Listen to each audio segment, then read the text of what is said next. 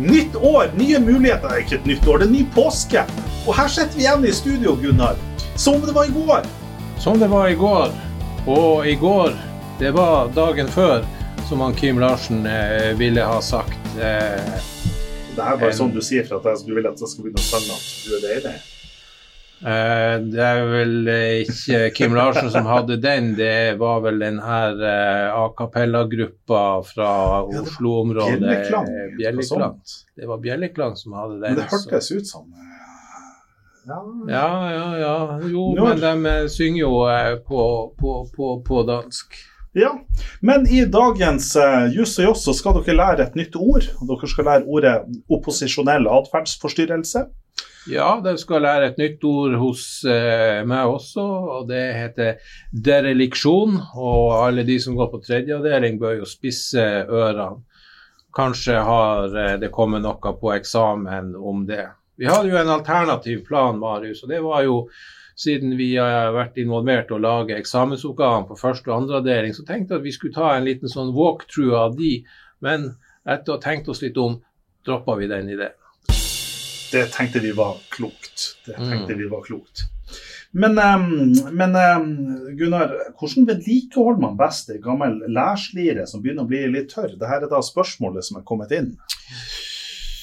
Det var jo et eh, meget interessant så vi har jo eh, bedt om spørsmål, og vi har altfor lite. Ja, ja, men her er det kommet et ja, altså. eh, Lærarbeid og slikt og Ja, jeg tenkte hvis noe skal gli eh, fint inn og ut av ei slire, så er det vel kanskje vaselin som detter meg ned som et mulig middel.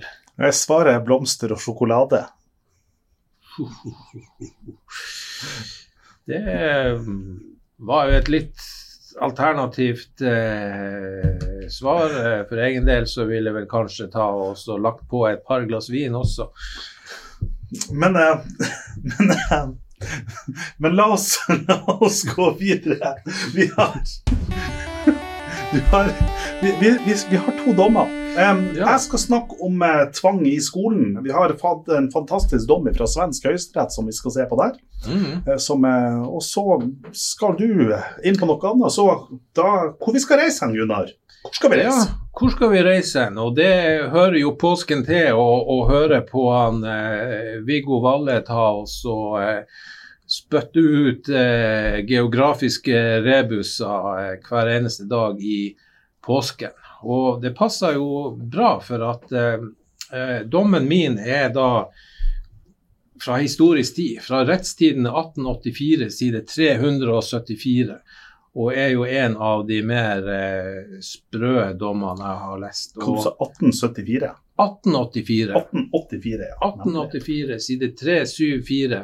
Der kan alle ivrige som har lyst til å lese dommen, gå inn og, og, og finne den. Og eh, Grunnen til at det er et reisetema her, det er at det her er fra en stolt epoke i Norges historie. Det som gjerne kalles for seilskutetida. Og eh, her var det da altså ei eh, seilskute som var på tur til sydlige strøk. Og som vi skal komme tilbake til, så tok denne turen og eh, eh, involverte da en tur innom ei øy sør for Sumatra. Men først litt eh, info. Eh, denne saken involverer da eh, grove brudd på eh, arbeidsmiljøbestemmelsene for eh, sjøfolk. Noe som er oppsiktsvekkende på denne tida i 1884, hvor sjøfolk måtte tåle det aller meste. Ja, det tenker jeg at nå- har vi noe i vente. Du skrur opp, har- skrur opp forventningene her. Vi altså. har noe i vente, og, la oss nå aller først mønstre på på denne eh, ville ferden. Og eh, det vi mønstrer på, er da eh, på seilskuta Haugesund. Og seilskuta Haugesund er en eh, såkalt bark. Og da må jeg spørre deg, Marius. Hva forbinder du med en bark, og hvordan vil det koble seg til dine planer for sommerferien? Ja, en bark Da tenker jeg umiddelbart at det nok er en, en, en sånn brei båt, men det er vel kanskje en bark? Statsråd Lemkul, er ikke det en bark? Statsråd Lemkul er en bark. Og en eh, bark eh, har normalt eh, tre master. Ei formast, ei stormast og eh, ei såkalt mesanmast. Ja, nemlig. Og eh, en, eh, en, en, bark er en eh, nedrigga utgave av en såkalt fullrigger. Akkurat. Som er litt mer avansert seilmessig. og Norske seilskipsredere tok ofte og kjøpte fullriggere fra utlandet og rigga dem ned til å bli såkalte barker. Og de barkene er jo da eh, særlig kjent for at de er raske. De er såkalte eh, skarpseilere. Og eh, statsråd Lemkul er jo en flott båt og er en eh, ekte tremasta bark. Ja, og hvis eh, NRK hører det her, så er det ja. sånn at jeg har søkt om å få lov til å være med på NRK Sommerskuta. Så eh, la meg få lov til å være med. Mm. I fjor så rodde jeg til Lofoten. I år så tenkte jeg at jeg skulle seile med statsråd Lemkul. Marius han er en hardbarka sjøulk. Og eh, hvis han kommer om bord på Lemkul, så forventer jeg litt at han, eh, hans eh, velutvikla biceps kanskje får tatovert et lite anker innpå. Eller at han i det minste på, på, på, på oversida av, av høyrehånda får tatovert inn disse her eh, tre runde prikkene. Ja. Vet du hva de står for? Nei, det vet jeg ikke. Har sett dem. De står for uh, tro, håp og kjærlighet. Det er det de står for. Det er blitt omtalt som bomsmerket. Mm. Så jeg prøvd å spurt, men det, det Ja, ja, ja. Men altså, det er dine ord. Det var absolutt ikke min mening å eh, ta og antyde at du er en boms, Marius. Men Vi skal til Sumatra. Vi skal til Sumatra.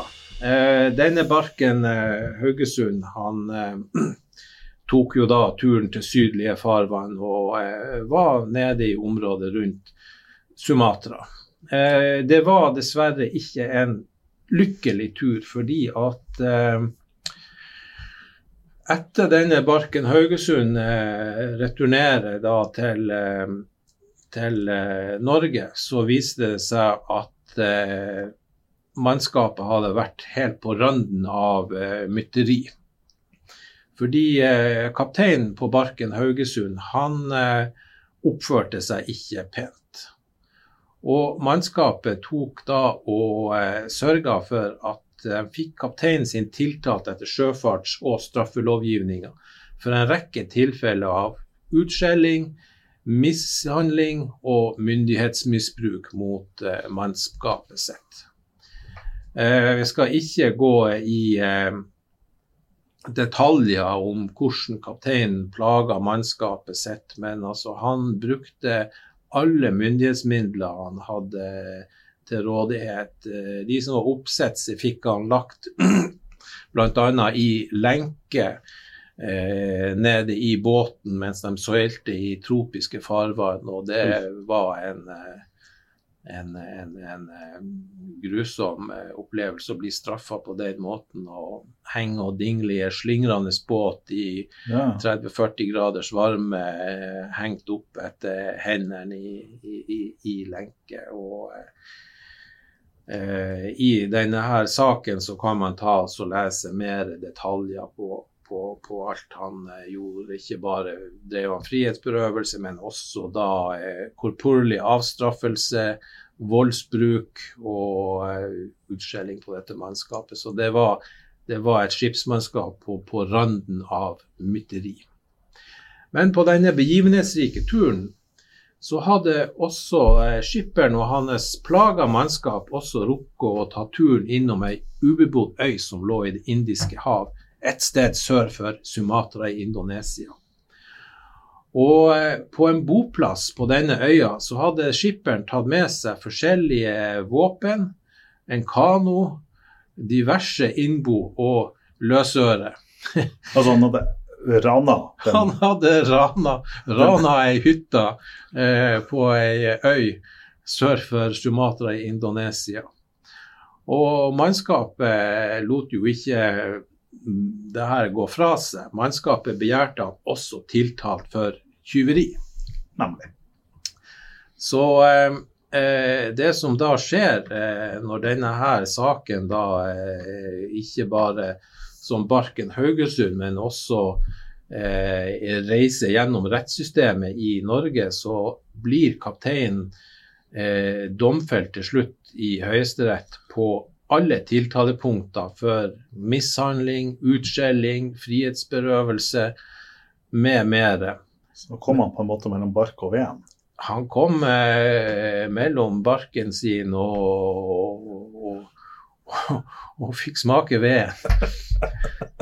Men eh, det var ett lite lyspunkt for kapteinen. Han ble frikjent fra punktet om det påståtte tyveriet. Ja. Og hvordan kom eh, kapteinen seg unna det?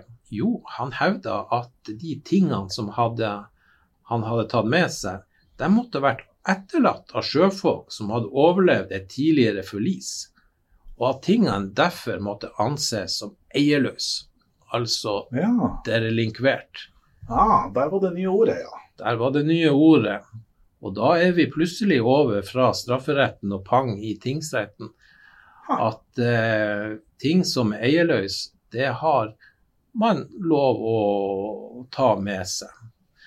Og for å klargjøre det, så er liksom ja, det, det, det tydeligste eksempelet på det Da må vi tilbake faktisk fra før en viss pandemi som eh, foregår. og eh, for kanskje et par år siden så hendte det jo vi at vi reiste mellom Tromsø og Oslo. Og eh, så når du kanskje nærmer deg Tromsø, så oppdaga du kanskje at i seteryggen fremfor deg så lå dagens Dagbladet, Aftenposten eller noe Ja. annet. Og eh, så tenker du hm, dagens Aftenposten, det kunne jeg tenke meg å lese. Og så tar du med deg den avisa, fordi Ja. at du tenker at det her er ei avis som en passasjer på en, en av turene flyet har gjort tidligere i dag, har etterlatt. Mm. Han savner ikke den avisa, og den kan jeg jo trygt ta med meg. Og det er jo helt naturlig. Ja, og da har du gjort et resonnement om at hm, denne avisa er derelinkvert. Nemlig.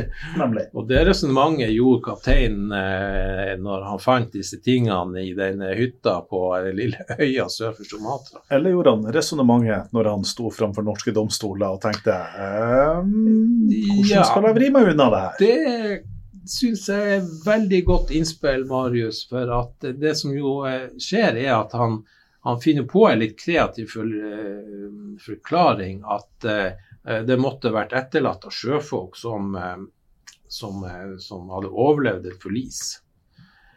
Og heldigvis så er jo Høyesterett de er veldig tvil, de, de, de tror ikke helt på kapteinen, men de godtok under tvil påstanden om at gjenstandene var ansett som, ansett som eierløse. Men en av dommerne i saken, en assessor Ottesen, han eh, førte jo da flertallet med at kapteinen måtte frifinnes.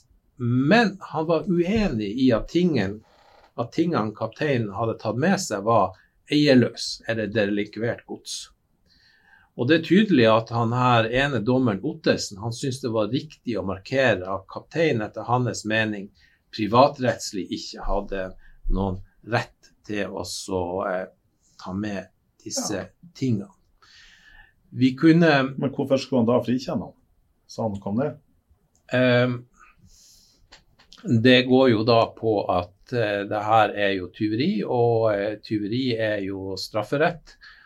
Og eh, eh, som vi vet, så er jo beviskravet skjerpa for å straffedømme noen. Det må anses bevist, heve over enhver tvil, at han eh, eh, da eh, borttok disse tingene i, i, i eh, tyverihensikt. Ja. Og eh, det hva vi si tilbake til Sumatra, den lille øya sør for Sumatra, så ble altså bevisbildet vanskeliggjort.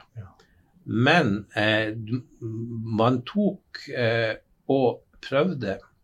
Og eh, det er en liten detalj i kapteinens eh, forklaring. Og denne detaljen er det nok som tar og så trigger han assessor Ottesen.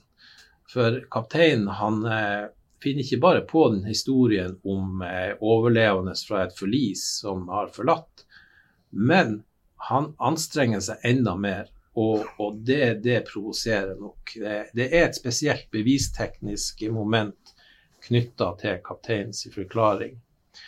Og det går på at i, ei, i en kurv i denne hytta så hadde det blitt funnet en del egg. Og det passer jo bra siden vi er nærmer oss påske og det er snakk om egg. Ja, nemlig. Det er jo derfor du valgte ja, den her. Det er jo det. Poenget var at noen av disse eggene i hytta som lå i denne kurven, var råtten, mens andre var friske. Og kapteinen påsto at de friske eggene de var blitt lagt i kurven av en av de mange villhønene på øya.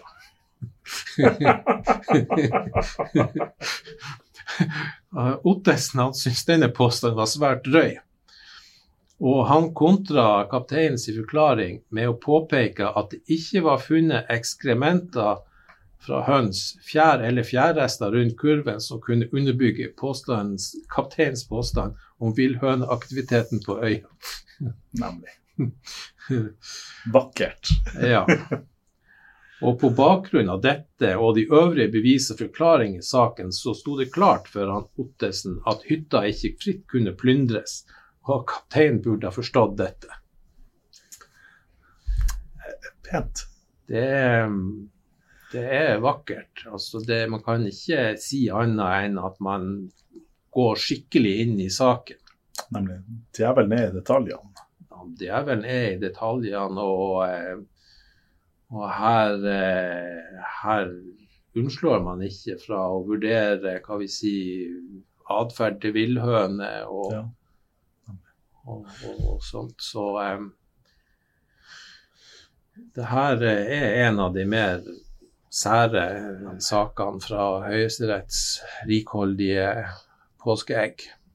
Men, men det, det, er jo interessant, altså for den, den regelen om eierløst gods, altså det, jo, det, Mm. det, henger jo, det henger jo sammen. Det er jo, er en logisk og det er jo en god regel. altså. Mm. For det er jo et eller annet med det at på, når skal man på en måte plukke noe opp? Og så er det jo selvfølgelig vanskelig å vite, for det er klart, når plutselig noen kommer tilbake og spyr hvor er avisa mi, Mm. Mm. så Ja. er det sånn at, og så er det jo sånn at folk har jo en ulik økonomisk stilling. Mm. Mm. Eh, Det er jo Hvis man på en måte drar på, på søppelfyllinga, så finner Mm. man jo ting som, altså, som de på, som jobber der, på en måte sorterer ut, som sier at dette er Mm. verdifullt, som de så legger ut for, for salg. Mm. Mm. Eh, og Så er det et spørsmål hvor, hvor, hvor går det her? Det er veldig eh, viktige spørsmål. Og for de av eh, lytterne som eh, har lyst til å vite mer om det, så har jeg faktisk skrevet en liten artikkel om det som heter 'Kastet, mistet, glemt eller bortkommet', som eh, dekker egentlig alle disse tilfellene i stort eller smått. Den er publisert i Jussens Venner, så alle med, som så heldige å ha Idun-tilgang, kan lett eh, finne den og, og, og lese mer eh, om disse her eh, litt spesielle og artige tilfellene fra, fra tingsretten. Men eh, da tenker jeg vel at da kan vi vel ta oss og eh, pakke sakrene eh, på Sumatra og eh, heller ta oss og høre om hvordan det går i Marius Storviks Storvik et sosialrealistiske univers. Ja, hvor vi skal reise hen? Jo, Ja, nå skal vi vel over grensa på nytt. ja, vi skal, det, vi, skal det, vi skal til Sverige. Jeg har eh, vært og, vært og funnet tak i en svensk, svensk høyesterettsdom. Og det, og det som er litt så strang, interessant, den saken her, den dreier seg om, om tvang i skolen. Eh, og det er noe som jeg på en måte har, har jobba med, med før. Og jeg har på en måte skrevet bl.a. en utredning om behovet for rettslig grunnlag for bruk av ulik tvang og makt i skoler. Og jeg har på en måte, ikke sant, Dette er på en måte spørsmål som vi jobber med. og Det er veldig interessant. Og, og, det som er spesielt her, er at her får du plutselig en høyesterettsdom om Mm. spørsmålet. Og, Mm. og, det, var, og, det, og det, det, som, det som først på en måte gjorde at jeg på en måte grep tak i denne høyesterettsdommen em, den, den har en sånn fantastisk sånn innledningsbeskrivelse Altså hvor det på en måte er beskrivelse ut av det at sant, vi er på en måte på en november, novemberdag i 2017. Og så er det beskrivelse ut av at hvem er dette barnet her? Jo, altså han, han HØ eh, Nå forutsetter jeg at det er en han, da. Det Mm. vet jeg jo ikke. Men, men HØ var 13 år og går i 8. klasse. Han har diagnosen ADHD med trotssyndrom og autisme. Og trotssyndrom, det, det, det, det gjetter jeg på at er det vi på norsk kalles en eh, opposisjonell atferdsforstyrrelse. Ok, det høres ut som at her, eh, her ligger det aller meste til rette for at en eh, lærer kan bli litt agitert. Litt agitert, det, det tror jeg vi kan legge til. Og så er det spørsmål? Vi har, vi har et prinsipp i norsk skole at skoler skal være åpen for alle sammen. Og så er det sånn at du har barn av alle, eh, alle mulige slags typer. Du har Mm. noen med, med, med diagnoser, du har noen uten diagnoser. Du har? Vi har på en måte et likhets, likhetsprinsipp i skole, og det gjelder jo også i Sverige. Men hvordan løser vi da de her situasjonene? Og det han der han HØ da gjør, det, at, det, at, det at han har da sammen med noen, med noen andre på skolen, så har han da vært og dytta en sofa framfor inngangsdøra til kantina. Mm. Sånn at det på en måte står og hindrer alle fra å komme seg inn i kantina. Og hun stakkars kantine, kantinedamen hun har på en måte vært der flere ganger og sagt at nå må dere flytte dere, og du kan ikke stå her. Og, og han HØ han ligger bare i sofaen demonstrativt og, Mm. og, og nekter å flytte seg på tross av gjentatte beskjed. Så det var ikke aktuelt å ringe et flyttebyrå. Nei. Men det som da skjer Da kom SC, Mm. som er idrettslærer på skolen. Eh, men før han ble idrettslærer på Mm. skolen, så var han en, en eliteidrettsmann og OL-medaljør i bryting. Oi da. Det her kan fort utarte. Jeg bare, jeg bare synes det liksom sånn der, du, Man bare ser for seg den der situasjonen av liksom den der, den der ja, idrettsgymlæreren som kommer av den typen som ikke akkurat eh, tenker seg om før han handler. Og så er det da en beskrivelse av at idrettslæreren da bare klipper tak i nakken til den guttungen og bare lemper han ut av sofaen. Mm. Og så er det spørsmål er dette nakkegrepet er dette ulovlig, er dette en ulovlig bruk av tvang? Skulle han ha sagt noe mer? Skulle han ha kommet med advarsler? Hvordan skulle denne situasjonen Mm, mm. vært løst? Og så er det, er det sånn at eh, hun, hun dama her hun har jo stått her og gitt beskjed flere ganger. Mm. Um, og det er klart, og ungen? Her har du selvfølgelig to ulike beskrivelser av faktum her. fordi at barnet forteller at det blir tatt et grusomt kvelertak på meg, jeg fikk ikke puste og jeg nesten døde. Mm. Eh, mens, mens gymlæreren forteller at jeg er, jeg er en tidligere OL-medaljør i bryting. Eh, jeg tok det og det grepet, Mm. og jeg tok det, jeg tok det rundt, altså bak nakken og under armen. Sånn Mm. at jeg var aldri i nærheten av halsen på barnet. Eh, at det var et trygt, og forsvarlig og effektivt grep for å flytte barnet. Et brytergrep. Ja, et, et godt, godt, fint, trygt brytergrep. Men du har liksom to ulike, ulike forståelser. Du har barnets subjektive opplevelse av å bli utsatt for en krenkelse, og så har du på en måte den voksne sin, Mm. sin beskrivelse som er helt Mm. annerledes. Og så er spørsmålet hvordan skal vi løse de her situasjonene i skolen? Og så er det klart at man da går tilbake, så kan man kanskje tenke at ja, her skulle man kanskje ha reagert på en annen måte. Man kunne kanskje altså Sånn er det jo alltid. Du kan alltid Mm. løse situasjonen på en annen måte. Men når situasjonen blir løst på den måten, hva skal vi gjøre da? Og det er klart at, og, og Her oppstår det en sånn interessant diskusjon mellom i det svenske rettssystemet som vi ikke ville fått i Norge. Fordi at I Norge så er det som da ville skjedd her, er at, at du kunne se for deg ulike spor. Du kan se for deg det at, at altså Bare for å ta den, den rettslige reguleringa veldig, veldig kort, for den synes å være lik i Norge og Sverige.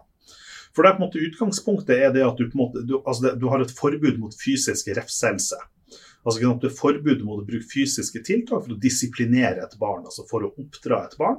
Og Det gjelder, synes gjelder både i Norge og Sverige. Og så har du lov til å bruke fysiske tiltak for å på en måte hindre krenkende atferd, for å stoppe vold, for å stoppe denne typen.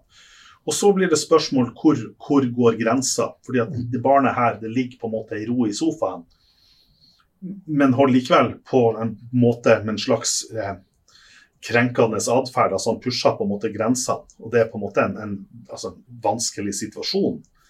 Um, men, så er det spørsmål om hvordan, hvordan løser vi da denne situasjonen. Fordi at Dette gjøres jo da ikke primært med det formålet å gi barnet en oppdragelse. Dette gjøres med det formålet å få barnet ut av sofaen, sånn at man får åpna opp gangen, sånn at mm. folk kan komme seg inn og ut av kantina. Eller er formålet at nå skal denne jævelungen få seg en? Mm. Og her er det jo to ulike forståelser. Mm. Ja, det er sant, det. Så eh, jeg tar jo egentlig bare å droppe ned i, i min juridiske hjerne at, eh, at, her foreligger det jo handlingsalternativer.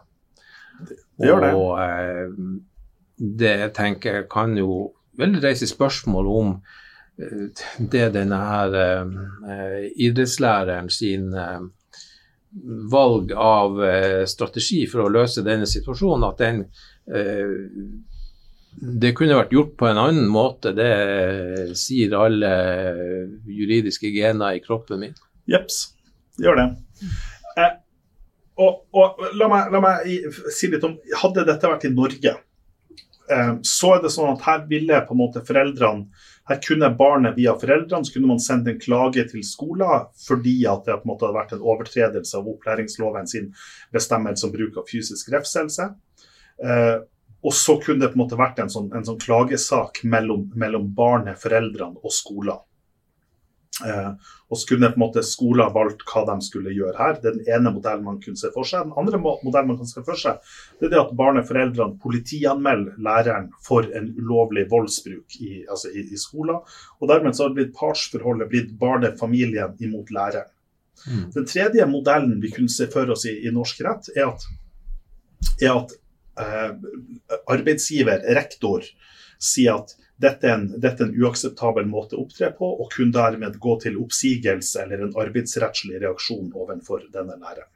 Mm. Det er på en måte de, de, de, konstellasjonene vi kan se for oss det her eh, forholdet i Norge. Mens det som skjer i Sverige, det er at her får du på en måte en helt annen reaksjon. fordi at Det som skjer her, er det at, er det, at det som synes å være tilsvarende den svenske fylkesmannen Mm. Altså, De kommer da med en reaksjon imot denne kommunen. Mm. Altså, læreren er ansatt på en skole med en rektor som en del av en kommune. Kommunen sier, går, går, går god for denne læreren sin vurdering, og så tar da fylkesmannen, til, eller det som nå i Norge heter statsforvalteren, da, selvfølgelig, så går de da til en, til en sak. Sånn at, sånn at det dreier seg om en rettssak mellom to offentlige organer Nettopp. Ja, det er jo... Helt spesiell sånn konstellasjon. Ja, det, det, det, er veldig spesielt. Og eh, jeg tenker jo, siden du lagt, la en del energi ned å forklare det norske systemet, hvor ting eh, altså, eh, blir veldig person-individ-fokus. Mm. Altså Fokuset vil ligge på denne læreren, og liksom, i han, og i tilfelle hvor mye skal han få svi. Så får du det her heva opp på, på et Eh, på, på et formelt eh, nivå.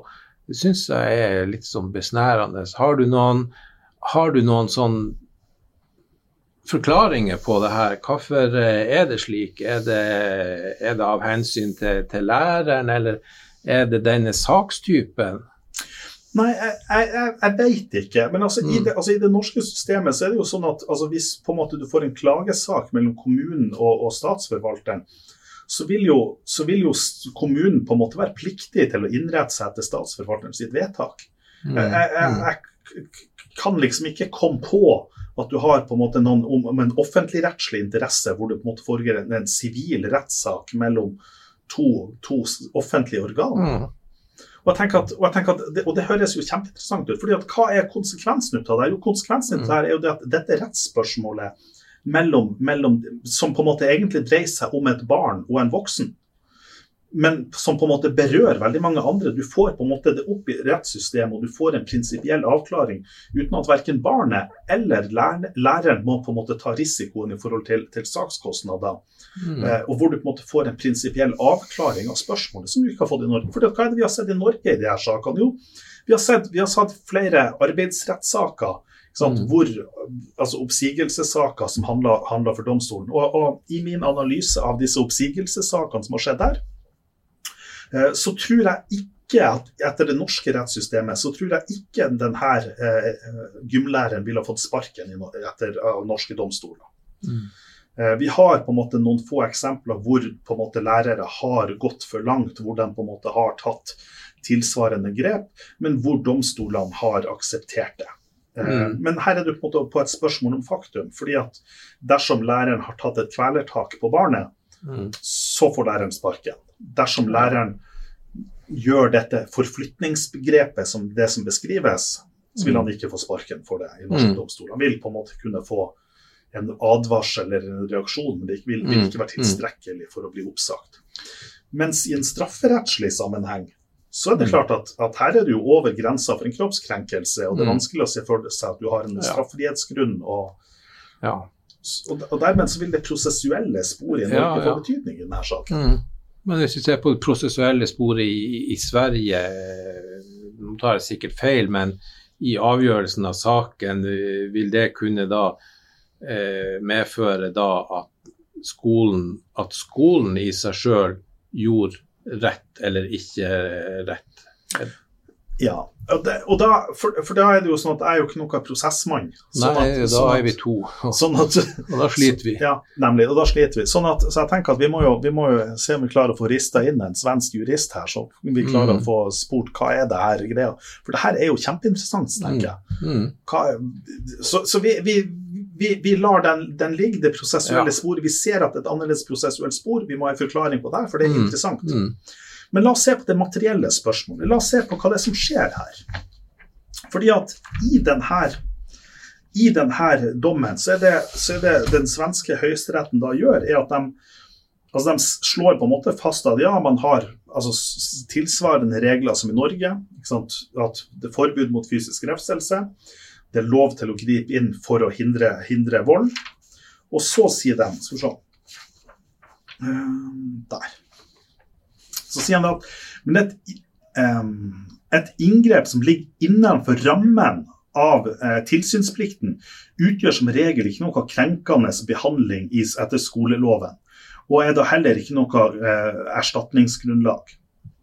Eh, det utelukker imidlertid ikke Nå leser jeg svensk, mm, og så, mm. og så synkronoversetter jeg til norsk. Altså. Ja, men det er bra. Det utelukker imidlertid ikke um, omstendigheter ved et visst fysisk inngrep som har skjedd med, med, med støtte av den tilsynsplikta til skolen. Unntaksvis kan være sånne inngrep som, en, som, likevel utgjør en krenkelse, sånn som med hensyn til denne måten som det skjedde på her. Mm. At begrunnelsen i seg sjøl detter innom lærerens tilsynsplikt, kan da i stedet lede til at krenkinga skal anses å være eh, liten, og at erstatning da ikke skal utmåles. Sånn at, sånn at det virker som at det på en måte er, er, der at man på en måte ser ok, mm. er det, mm. hvordan skal man på en måte vurdere det. Sånn at De kommer jo på en måte med en, med en kritikk. Man sier på en måte mm. at her er det en krenkelse, men så sier man det at læreren har, er, på, har, er under en inspeksjonsrunde, han har et ansvar for skolene, ja. har et ansvar for det her. Og så virker det som at han på en måte gir en litt sånn, litt sånn svak smekk på fingrene, men man frikjenner fra erstatningsansvar, man frikjenner fra alle de her. Men det er klart, men her er det også høyesterett, svenske høyesterett som deler mm. seg i 3-2. Ja, ja. Sånn, at, sånn, at, den er på en måte helt, helt på grensa. Ja, ja veldig, veldig interessant det der, Marius. Jeg syns jo å minnes at vi har et sånn tilsvarende konstruksjon i, i, i Norge med at, uh, at, man har rett til å uh, gjøre en tilrettevisning. Og Det begrepet er jo svært uklart, og det minner jo litt om situasjonen her. For at hvis vi ser da på altså kroppskrenkelse i seg sjøl, det skal veldig lite til. Mm. Da vi eh, for 100 år siden lærte strafferett, så så sto det vel i Andenes det at, eh, at hvis du f.eks. Eh, spruter vann, skvetter vann på noen, så er det i prinsippet en kroppskrenkelse. Omtrent der går, går, går grensa. Slik at, at læreren her fysisk tar tak i gutten, er klart innenfor kroppskrenkelsesdefinisjonen, men så er spørsmålet om den definisjonen innskrenkes i hva vi sier, denne skolesituasjonen. Med at hva vi sier, denne tilsynsplikta og denne kanskje tilsvarende, hvis det enda er rett, norske retten til tilrettevisning av elever kan innebære visse fysiske tiltak. Ja, den tilrettevisning Jeg tror, jeg, jeg, jeg, jeg tror ikke at det begrepet lenger, lenger Nei, altså, jeg, sa tydelig at jeg ikke er oppdatert. Ja, ja det, det, gjorde du. Men, altså, men, det man på en måte har altså det man har hjemmel for i dagens opplæringslov, det er at man har hjemmel til å hindre eh, mm. krenkende atferd. Altså mm. dersom et barn gjør en krenkende atferd mot andre barn, mm. så har man på en måte hjemmel til å gripe inn med type nødvendige fysiske virkemidler. Mm. Og Det er vel på en måte erstatta vel den type tilrettevisningsplikten. Ja. Men så etter dagens opplæringslov, sånn som det er formulert, så kan du dermed si at okay, men hva om barnet eh, tenner fyr på skolen? Mm. Så er det sånn at ok, men det er jo ikke en krenkende atferd og opplæringsloven har gitt en hjemmel for å hindre det. Så hvordan Nei. skal du på en måte regulere det? Nei, det da... tenker jeg det, det, det, er mer en no-brainer. Altså, da altså, du har gutten med svovelstikkene, så er vi vel over på, på nød, ja. nødrettsunntaket. Ja, eh, det tenker jeg også. I forhold til han eh, flirende sofakidden, eh, slik du utlegger norsk rett, så er det vel klart at der foreligger det ikke hjemmel. Ja, det er jeg enig i. Mm. Og, at, og at det norske rett her foreligger det ikke hjemmel. Men, men, dette er jo likevel en situasjon som er reell i mm. norske skoler. Mm. mm. Og, og, jeg, og, jeg, tror at i de norske skolene der du har den flirende sofakiden som mm. ligger der, så tror jeg at lærerne gjør det på samme måte som i denne saken. Mm. Jeg tenker, at, jeg, tenker at, det skjer. Eh, det vil overraske meg hvis det ikke skjer. Og så er det spørsmål hvordan burde det her løses? For jeg tenker at, og jeg tenker at Den løsninga hvor svensk høyesterett kommer fram til, jeg tenker at for meg så framstår det som en, som en for så vidt en klok avgjørelse. Men det akkurat det her er sånn vanskelig. fordi at Hvis du mm. på en måte åpner opp og sier at ja, her har læreren hjemmel til å ta den flirende sofakidden mm. som var formuleringa, ja, men da, da, har du på en måte åpna opp en farlig vei. For, for da åpner mm. du opp for en tvang mot skolen. Sånn, ja. Hvis du på en måte gir en hjemmel så åpner du, åpner du opp ei dør mm. som får uante konsekvenser. Mm. Men skal vi da på en måte bare la døra være igjen? Hvis vi lar døra være igjen i norsk rett, sånn som vi på en måte har gjort, og sier at her er det ikke hjemmel, men så har man likevel ikke sikra tils, tilstrekkelig prosessuelle mekanismer, så er det realiteten at da løser bare lærerne de her situasjonene. Mm. Og så er det vilkårlig om foreldrene tar ut en anmeldelse om mm. altså hvordan, om dette får arbeidsrettslige konsekvenser, ja. eller om det på en måte bare, bare lar skure og gå. Absolutt, absolutt. Eh, det er jo også et sånn tidsaspekt her, eh, eh, sånn som du forklarte, at, at det var mattid, og man hadde blokkert inngangen til, til, til kantina og sånt. og og de involverte kanskje føler et, et press for oss å løse ja. situasjonen. Og så, det, så, kan man jo, selv om det sikkert ikke har så mye plass eller er så bra å gjøre, spørre om, om det er rimelig å forvente av dem at de skal ta eh, og, og, finne på alternative ting. Eh, ringe to vektere som bærer sofaen og ungen og kommer etter at alle, ingen av ungene har fått spise den dagen. Og hva du, og hva du skal med vektere når du har en tidligere OL-bryter på skolen, sier nå jeg. Du sier, du sier, noe der. Men jeg var, jeg var, jeg var... Det, er jo, risiko for at det kan skje en forbrytelse. Oh, oh, oh. Jeg var, jeg, var, jeg var, rådgiver inne i en sånn her sak i, i norsk skole, mm. altså hvor, det en, hvor, det var en, lærer som hadde Du ga vanneksempelet, som da hadde mm. Det var en barn som hadde spruta vann på læreren, og så hadde da læreren tatt med seg eh, barnet til rektor, og så hadde rektor eh, ikke vært og funnet, og situasjonen var vanskelig, og læreren var sur. Mm. Fordi at dette var ikke første gangen. og tilbake i klasserommet så tar da læreren og fyller opp en, en, en, noen centiliter vann i en kopp og spruter tilbake. Mm. Og det er klart, det var en dårlig løsning. Ja, øye for øye, øye tann for tann. Ja, ja, ikke sant? Og, og, alle er enige at det var en dårlig løsning, og det var læreren også. Men hva gjør vi da med denne saken? Så Det som da skjedde i denne saken, det er det at, det er det at barnet ved foreldrene leverer politianmeldelse. Um, og, og, politiet uh, utsteder en bot, uh, et, et, forelegg til læreren, og hvor jeg skriver et brev til politiet og sier at uh, forelegget bestrides. Og hvor argumentasjonen her er at dette er ikke en sak for rettssystemet. denne saken, altså her, her, er på en måte la, saken løst. Læreren har i denne saken slutta på skolen, funnet seg en annen arbeidsplass. Mm. Um, det å på en måte i tillegg gå inn i forhold til rettssystemet, forhold til det her, da blander du på en måte inn politiet inn i det her. Og fordi at det heller ikke finnes hjemler i de her sakene, fordi at du har en gråsoneproblematikk, mm. så hvis politiet på en måte går inn med, med det her, så, så, så, er vi på en måte på et feil spor. Mm. Eh, så hva er det da politiet da gjør når forelegget nektes å vedta?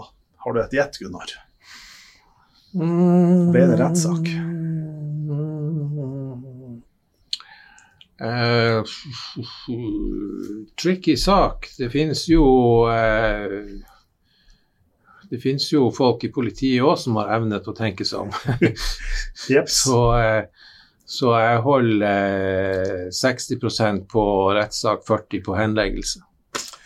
Saken ble henlagt. Ikke pga. Okay. bevisets stilling, men pga. foreldelse. Oi, oi, oi. så, det, så, det, politiet da gjorde, det var det at de fikk inn det her. Og det er klart, Nå kunne det hende at det skjedde en feil hos politiet, at mm. den ble forlagt.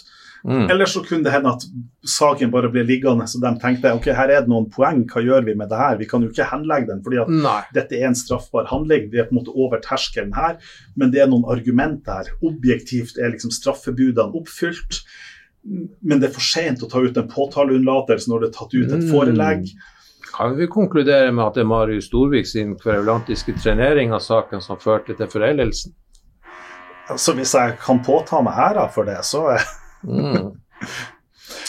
Rådet til skolen må jo være å sjekke hva stjernetegn eh, lærerne er født i. At hvis noen er født i Vannmannen, så bør de ikke ansettes.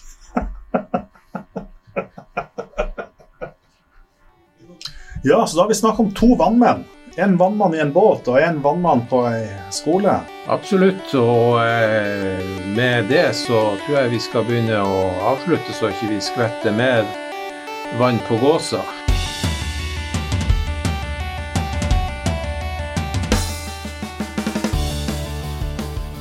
Podkasten Juss og Joss produseres i samarbeid med Result på Universitetet i Tromsø.